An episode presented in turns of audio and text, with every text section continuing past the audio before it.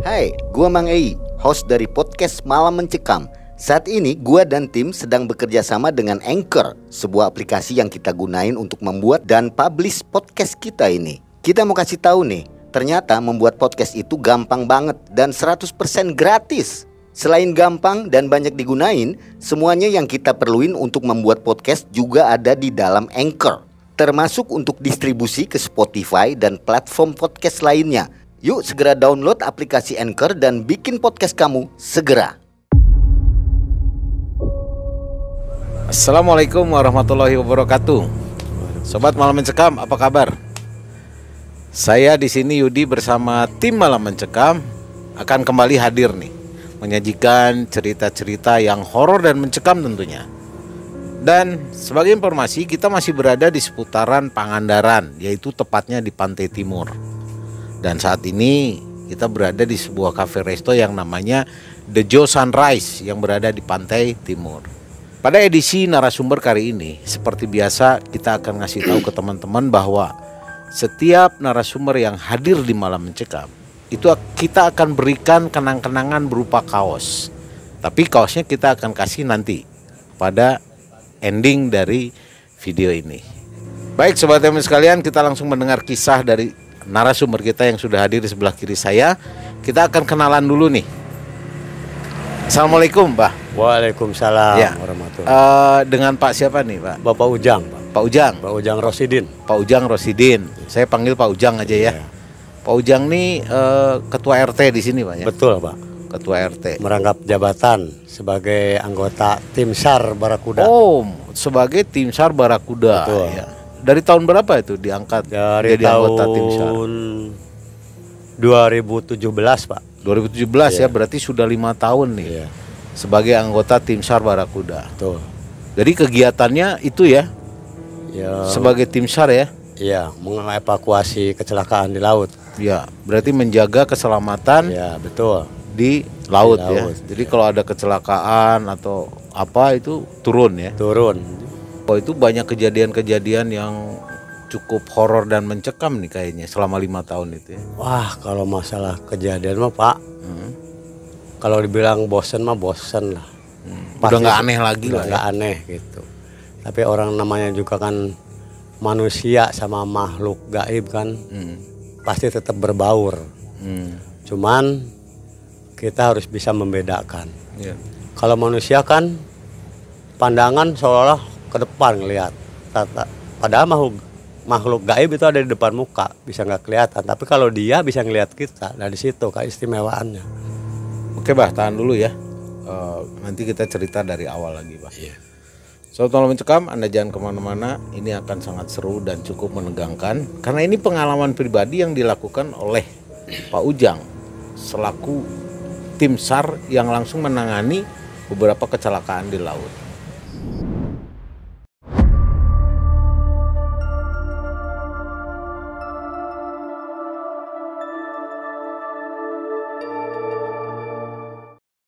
Pakai kapal pakai apa itu? Perahu biasa itu. Pakai perahu biasa. Iya, perahu biasa. Kan mula-mulanya tim SAR itu nggak punya perahu, Pak. Ternyata ada hamba Allah Hmm. ngasih bantuan berupa perahu. Nah, terus ada yang ngasih lagi mesin dari KUD Minasari Ya. ngasih bantuan. Jadi di situlah saya sangat berbangga hati. Terima kasih kepada tim apa dari KUD Minasari yang ngasih mesin, terus dari hamba Allah yang ngasih perahu. Ya sangat-sangat bermanfaat pak. Ya, Mudah-mudahan mendengar nih ya dari pihak KUD juga dari Sangat hamba Allah nih yang memberikan bantuan ya. Jadi sang Kenapa, Bang? Ada yang datang, Pak. Ada yang datang, ada yang datang. ada yang datang.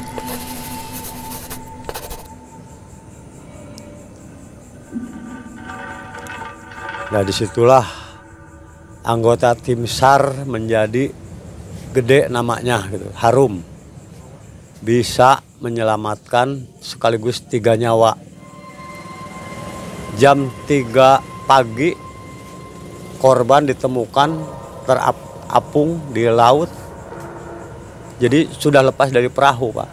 Oh sudah terlempar dari perahu. Jadi pakai sayap perahu itu dibikin rakit. Sayap dua itu diikat dibikin rakit. Berarti si kapalnya itu hancur ya? Bukan hancur, tenggelam. Tenggelam. Iya. Dia ke bawah arus. Alhamdulillah dengan semangat teman-teman nyari. Saya jam 5 pagi itu udah berangkat lewat darat pencarian sama teman-teman. Nyampe ke kalau nggak salah itu daerah sebelah sininya Pamayang itu. Di situlah kami cerita sama SAR yang ada di sana, minta tolong bila mana nemu barang atau nemu sesuatu, di situlah harus bisa cepat ngasih kabar gitu. Ya kebetulan ada tangki bensin yang pertama ketemu pak di daerah Bulak Benda. Pas dicek, dikirim fotonya betul bahwa itu tangki mesin tersebut. Hmm. Ada lagi laporan orang yang lagi mancing nemu sekantong apa satu tas dengan isi makanan, ada sebuah HP. Nah, terus pas dicek HP-nya mati, dia cabut kartunya dipindahin, ditelepon, nyambung ke keluarganya langsung. Langsung. Nah di situlah akhirnya suara sana sini berita sana sini rame. Banyak orang berkerumun pada datang ke kantor SAR. Langsung ada berita alhamdulillah ketemu. Nah di situ. Siapa yang nyangka orang itu bakal selamat? Iya. tiga hari diombang ambing badai Tiga di hari? tiga hari tiga malam pak. Itu. Ya alhamdulillah selamat semua Nah, Abah, eh, pernah nggak Abah pada saat penanganan malam, jadi Iya. harus harusnya ada berapa orang piket, tapi Abah sendiri. Pernah. Kalau piket sendiri itu lebih dari 10 kali lah. Soalnya kan pas waktu bagian piket anak-anak itu pas lagi keluar ikan. Jadi ikan kan sering keluarnya malam, jadi berangkatnya pada malam. Lah yang piket pada berangkat ke laut gitu, pada melaut. Jadi ya akhirnya udahlah saya yang paling tua yang ngalah gitu. Udah saya yang piket gitu, gantiin anak-anak gitu. Ya alhamdulillah sepakat. Makanya selama saya piket malam ya mau sendiri mau banyak itu kalau penampakan itu sering terlihat. Seperti apa itu? pengalaman yang pertama itu saya waktu piket malam. Saya nggak tahu datangnya dari mana. Ada perempuan pakai baju hitam hitam tapi pakai ke bawahnya itu kayak bentuk belang-belang kayak ular piton lah kayak gitu pakaiannya Pakaiannya kayak ular Ya, piton. kayak ular bawahnya. piton, itu Jadi nggak ada kaki, nggak kelihatan sih nggak kelihatan. dia cuman jalan gitu saya Itu liatin adanya gitu. di mana itu, Pak? di depan kantor itu sar Oh, di depan kantor. Iya depan kantor SAR. Coba saya cuman seperti apa? jalan aja, jalan tapi nggak nggak kelihatan kakinya apa bunyi apa gimana nggak, cuman kayak gitu aja kayak gitu? iya ngeglosor kayak bayangan gitu. Cuman saya liatin gitu, ya udah lah nggak apa-apa, dia cuma numpang lewat gitu. Nah, pas udah lama gitu, pas lagi main gaplean kan sama anak-anak gitu, saya pengen kencing ke belakang. Pas saya keluar gitu pas saya ke belakang eh udah ada di belakang. Lagi duduk di tembok. Saya ngeliatin gitu. Pas saya mau bawa senter ya udah nggak ada Mau, mau lihat dengan jelas. Heeh, nah situ. Saya nggak mau cerita sama anak-anak diem gitu. Lah pas udah lama lagi gitu. Saya istirahat nggak piket malam karena anak-anak ada gitu ya. Saya ngerasa udah capek gitu. Lagi giliran saya lagi tapi saya heran gitu. Setiap saya ke giliran piket pasti selalu ada. Ada penampakan. penampakan gitu. Apa Jadi- aja itu, Pak? Kalau yang penampakan waktu hujan angin, pas saya sendiri, pintu ditutup, lampu nyala, yang di dalam, yang di luar sengaja, eh, yang di dalam mati gelap, yang di luar kan terang. Ya. Saya nggak sengaja, pas lagi tiduran gitu sambil ngedengerin musik, pas kelihatan ada bayangan pas saya nengok kelihatan tangan masuk mau megang ya apa kunci pintu itu Handle pintu. ya handle pintu pas saya lihat itu kok gede-gede ini apa Apanya namanya? jarinya? jarinya amit-amit lihatnya pak ya Kamu Seperti apa itu? hitam ini yang namanya tuh, tuh, langsung Sebesar apa tuh kalau digambarkan tangannya itu? pisang Ambon lah. Oh, besar-besar ini yang namanya ini. Satu sisir pisang gitu ya? iya. Jari-jarinya pokoknya saya gede-gede pisang lah. Dari situ. Lah saya baru sadar. Memang dulu pernah ada yang cerita eh, bapak saya cerita. Di daerah situ di Muara itu dulu kan namanya Muara Rancak Kerep kalau dulu itu. Rancak kerep. memang itu penunggunya itu. Apa bener Genderuwo atau apa? ya mungkin genderuwo namanya Mbah Digdag namanya Mbah Digdag gitu. Penunggu itu. penunggu itu ya nyampe sekarang tapi alhamdulillah gitu saya sering main sering kerja di situ sering lihat juga kayak orang yang sudah kenal gitu. Hmm. kalau orang zaman dulu itu boleh dikatakan daerah Rancak Kerep itu paling rawan pak. Rawan apa? makhluk halusnya itu paling banyak. Itu jadi sangat jahil. Jadi banyak orang yang apa kesurupan di situ apa kesambet bagaimana jadi jarang-jarang ketolong. Kalau di jembatan merah ya makhluk-makhluk kayak gitu. Pernah saya ngelihat ada kambing tiga lagi nyebrang sungai itu. Tapi herannya itu jadi kayak nempel ini mulutnya ke yang depan itu ke ekornya gitu tiga nyebrang sungai. Kan nggak mungkin. Jam berapa? ya sekitar jam 11-an malam lah. 11 malam. ya saya pulang dari laut tuh dulu. Nah itu pernah kejadian Iya. melihat itu. Yang keduanya itu kaki orang lihat kaki kayak pohon pinang pak gedenya itu. Kaki besar. kaki besar kali itu. Malah saya ngeliatnya kayak gini ke atas. Saking tingginya tuh. Pernah itu ngeliat. Itu kejadiannya itu dulu waktu musim narik jaring arad itu dulu. Ini posisi kaki itu di mana itu? jadi gini saya lagi beres-beres tambang tahu taunya saya nengok ke kanan ke kiri ini kaki siapa gitu. pas saya nengok ke atas dia lagi kayak gini. Ada di atas saya. Jadi saya ada di bawahnya. Tinggi. tinggi besar. Nah si- Memperhatikan abang. iya. Apakah ini pengen kenalan apa gimana gitu? Saya bingung tuh. Ya tapi kan alhamdulillah nyampe sekarang itu jadi udah mungkin dia saking saya sering kelihatan ke daerah jembatan merah mungkin udah tahu sama saya gitu. Bahkan kemarin saya menemukan sesuatu ya dari berbentuk kantong dari kain kantong kecil saya ambil pas saya lagi bersih bersih nah ini Oh, ini benda apa nih, Pak? kalau saya lihat ini ada benda di dalamnya seperti karet. Waktu saya nemu ini saya pegang belum dibuka. Saya pegang kayak gini.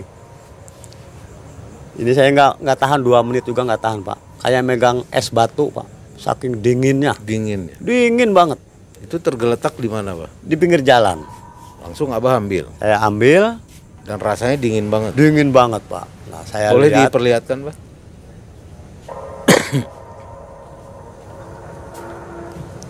kalau bentuknya sih kayak ya seperti karet lentur. Tapi tahu apa maksudnya dan apa isinya. Merupakan bendanya. Saya juga tidak tahu apa isinya. Yang jelas seperti karet saya coba dibawa pulang saya tidurin. Masya Allah Pak yang datangnya minta ampun mengerikan. Yang pertama datang itu saya kayaknya belum tidur tuh. Kalau ke bawah itu segini ya sedada Dari ke bawah manusia ke atasnya ini kayak kepala landak Badannya manusia, badannya manusia. Kepalanya landak. landak. Nah itu hilang. Saya sempat kaget gitu. Apa saya mimpi apa enggak? Gitu. datang lagi. Masih manusia badannya. Ke atasnya Yang kayak- lain lagi. yang lain lagi. Jadi yang keduanya itu kepalanya kayak kepala naga. Matanya merah. Yang namanya bulu-bulu sini.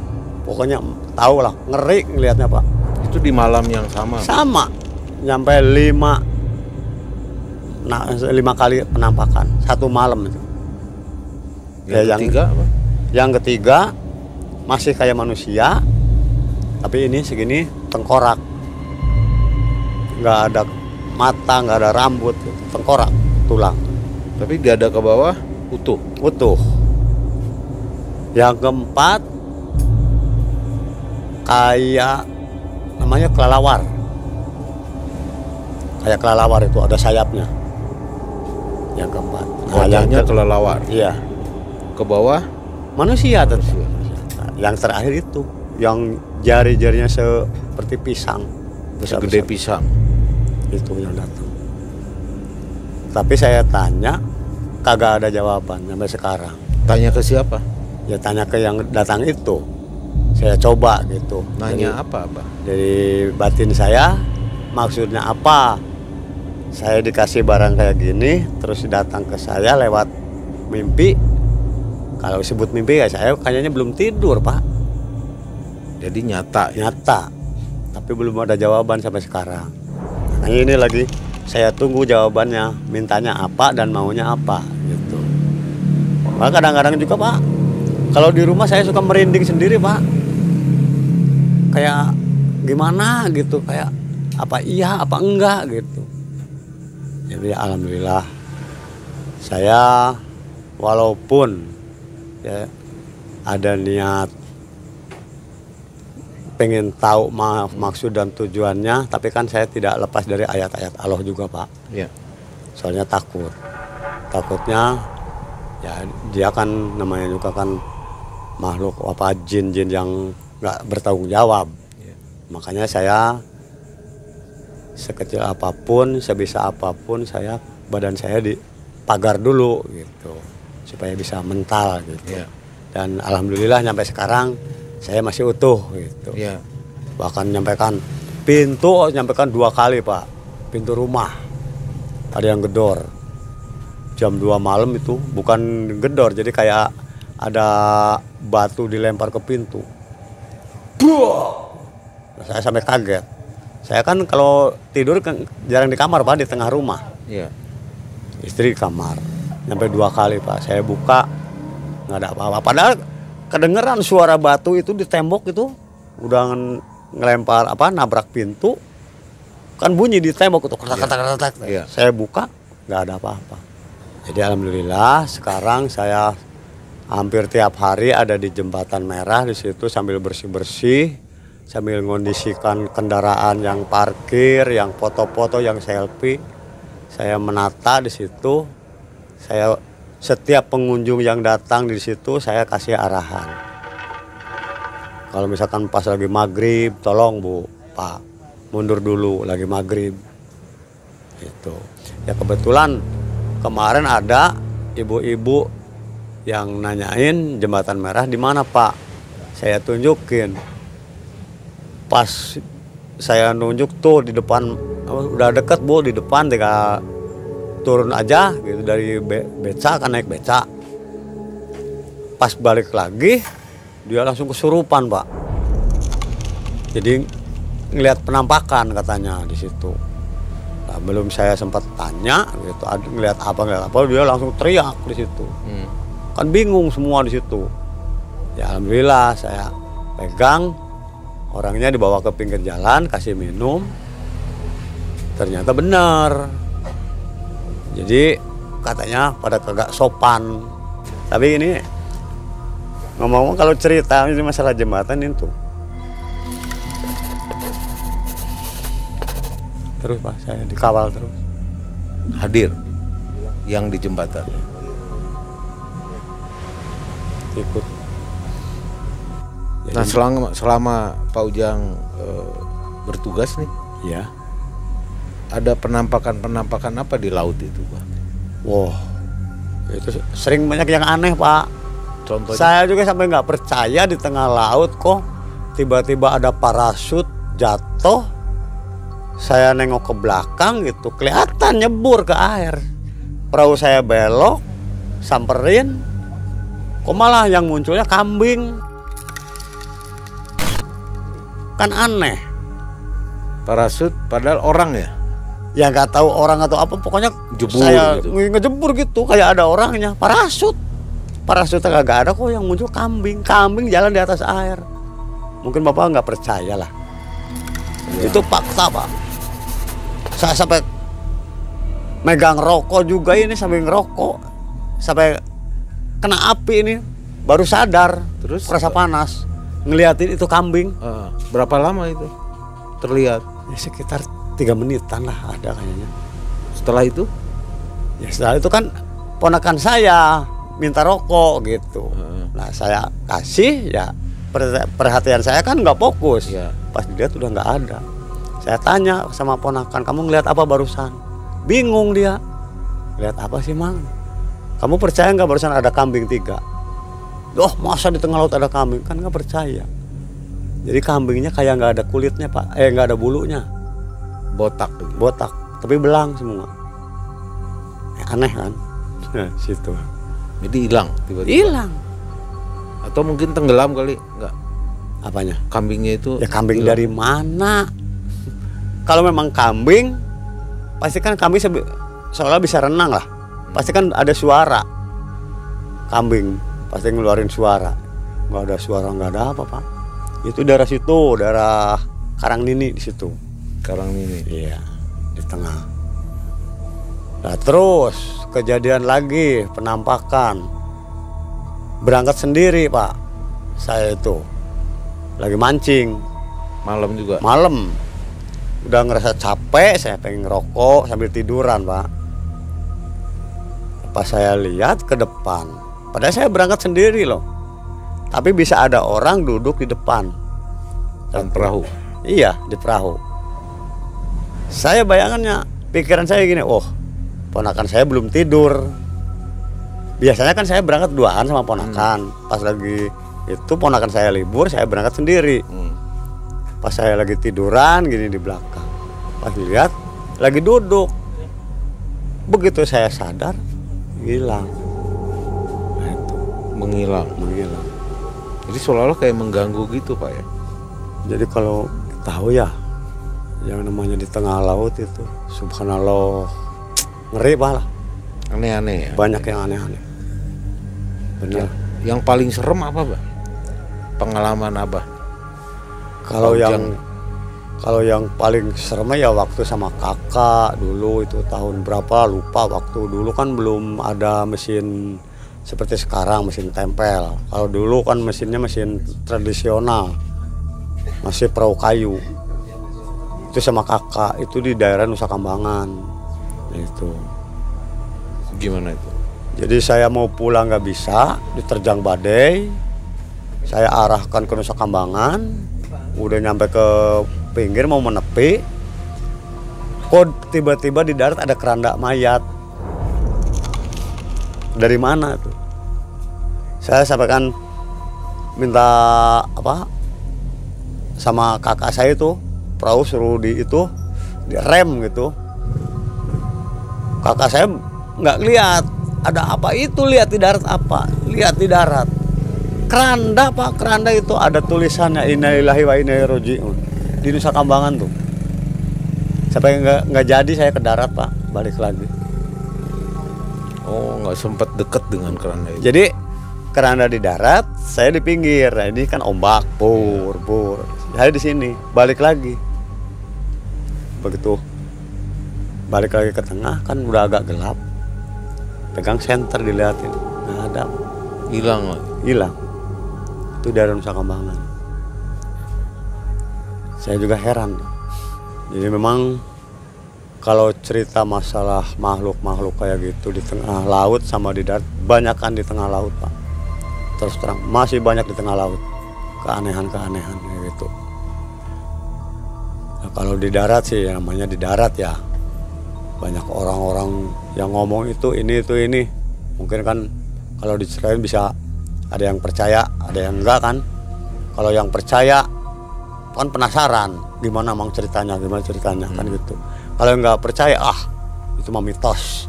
Bagaimana makanya saya mah kalau ngelihat apa-apa jarang-jarang cerita diem. Kecuali kalau ada yang nanya tapi dilihat dulu orangnya seperti apa. Baru saya cerita. Gitu. Banyak yang ngebuktiin saya pengen bukti. Kalau kata Pak Ujang gini ini apa benar apa enggak silahkan tapi besok nunggu malam wagi mau apa mau mau kliwon. Insya Allah dekat rumah saya. Keluar. Nyampe sekarang. Apa itu? ya kalau di, boleh dikatakan sih apa namanya itu ya? Yang suara kayak anak ayam. Kalau orang sudah kan kunti kuntilanak. Nah, ya itu. Di situ. Sering yang apa pakai sepeda lewat pak. Sampai jatuh jadi pas di ontel itu kayak nggak napak roda belakang itu gantung jatuh di situ ada yang ada yang angkat Hmm. tapi kalau sekarang ya, di kantor SAR ini kembali lagi ke kantor SAR Ya. ya. Setelah pindah ke daerah pelabuhan, alhamdulillah Pak aman. Tapi tetap tempat di situ masih ada. Walaupun udah nggak ada bangunan, nah itu ada pohon kelapa satu dekat jembatan itu di- masih tetap di situ. Ya. Dia tuh, langsung dek- datang lagi kalau mau diomongin. Datang lagi kalau diomongin. Iya. Di sekarang datang juga. datang juga. Jadi dia nggak mau nggak mau pindah dari Setiap situ. diomongin datang lagi. terus ngedeketin setiap mau ngomongin pasti nyamperin Nah, Bah itu kan beberapa pengalaman yang Abah ya, yang Abah Iya. alami ya selama melakukan tugas ya. betul Nah ini kan banyak nih anggota-anggota teman-teman Abah nih. ya Itu pernah nggak beberapa yang cerita ke Abah mengenai apa yang mereka alami gitu loh. banyak setiap ada penampakan ada yang ngel- ngelihat pasti cerita Oh, gitu. saya malam ngeliat anu anu anu oh ya dia ngelihat seorang perempuan katanya. Lagi di mana nih? di jembatan juga. Oh, di dia jembatan mau juga. berangkat. Tahu mau berangkat atau baru pulang tuh? Perempuan pakai baju hitam bawa payung. Tapi nggak kelihatan itu kakinya. Hmm, jadi kayak nggak napak tanah gitu. Hmm. jadi kayak terbang gitu jalannya gitu. Belum lama tuh jamingan cerita kayak gitu. Ya saya percaya. Memang saya pernah ngeliat perempuan itu. Pasti itu. Kalau anggota yang punya pengalaman ngelihat di selama melaksanakan tugas tim SAR di penyelamatan di laut ya nah anggota terakhir yang kemarin waktu evakuasi teman yang lagi nangkep ini ikan layang itu. Yang sekaligus tiga orang korbannya. Hmm. Udah kelihatan mayat terapung mau diambil di batunya itu di darat di daerah ini di ujung cagar alam itu. Kelihatan katanya ada yang lagi berdiri itu tinggi besar. Ada yang nungguin. Jadi pas mau mengevakuasi itu agak bingung. Jadi matanya ke mayat matanya ke darat gitu jadi pandangan itu dibagi dua. Hmm. Takut sama yang di darat, takut lagi sama ini mayat gitu. Pas ke darat pada cerita gitu. Jadi ternyata ada yang nungguin katanya mayat pas ketemu itu mau diambil teh. Jadi penghuni di situ ada di situ udah udah nungguin mayat. Nah gitu. Kalau datang ke jembatan merah, tolong jangan ada kata-kata yang agak sombong. Sopan lah, hargai. Memang makhluk kayak gitu nggak kelihatan, nggak bisa apa, nggak bisa nampak. Hmm. Tapi kan bener, betul di daerah jembatan itu banyak penghuninya. Saya yang sering ngeliat penampakannya gitu. Mohon maaf, harus istilahnya istighfar lah. Coba Pak, ayat-ayat Allah itu dipakai. Kenapa rupanya Mbah di situ? Takutnya dia ngerasa bahwa ah orang ini sombong apa gimana bisa murka kan kalau orang gitu, kalau malu kayak gitu. Jadi dia juga nggak mau terusik gitu. Makanya harus pamit. Memang kelihatannya rame, terang, nggak ada pepohonan, nggak ada apa. Tapi di balik itu, bukan saya nakut-nakutin. Memang itu faktanya kayak gitu, Pak. Oke, sobat malam mencekam sekalian, itulah beberapa kisah yang disampaikan oleh Pak Ujang. Dan semoga kisah-kisah ini memberikan nilai positif kepada kita dan membuang hal-hal yang negatif tentunya. Tingkatkan kepedulian, membantu sesama dan alam semesta tentunya. Nah, sobat malam mencekam sekalian, di awal tadi kita sudah janji nih, Bah. Ya. Kita akan memberikan kenang-kenangan nih Oh, karena iya. Abah atau Pak Ujang sudah bercerita sebagai narasumber di Malam Mencekam. Untuk itu kita akan kasih kenang-kenangan ini berupa kaos nih. Alhamdulillah. Oke, Mang Ei, thank you. Nah, ini kaos dari Malam Mencekam. Kami serahkan ya ke Abah. Pak Ujang. Oke, sobat yang sekalian, terima kasih. Sampai ketemu di video-video kita selanjutnya. Saya Yudi dan tim Malam Mencekam, kami mengucapkan banyak terima kasih. Assalamualaikum warahmatullahi wabarakatuh. Waalaikumsalam.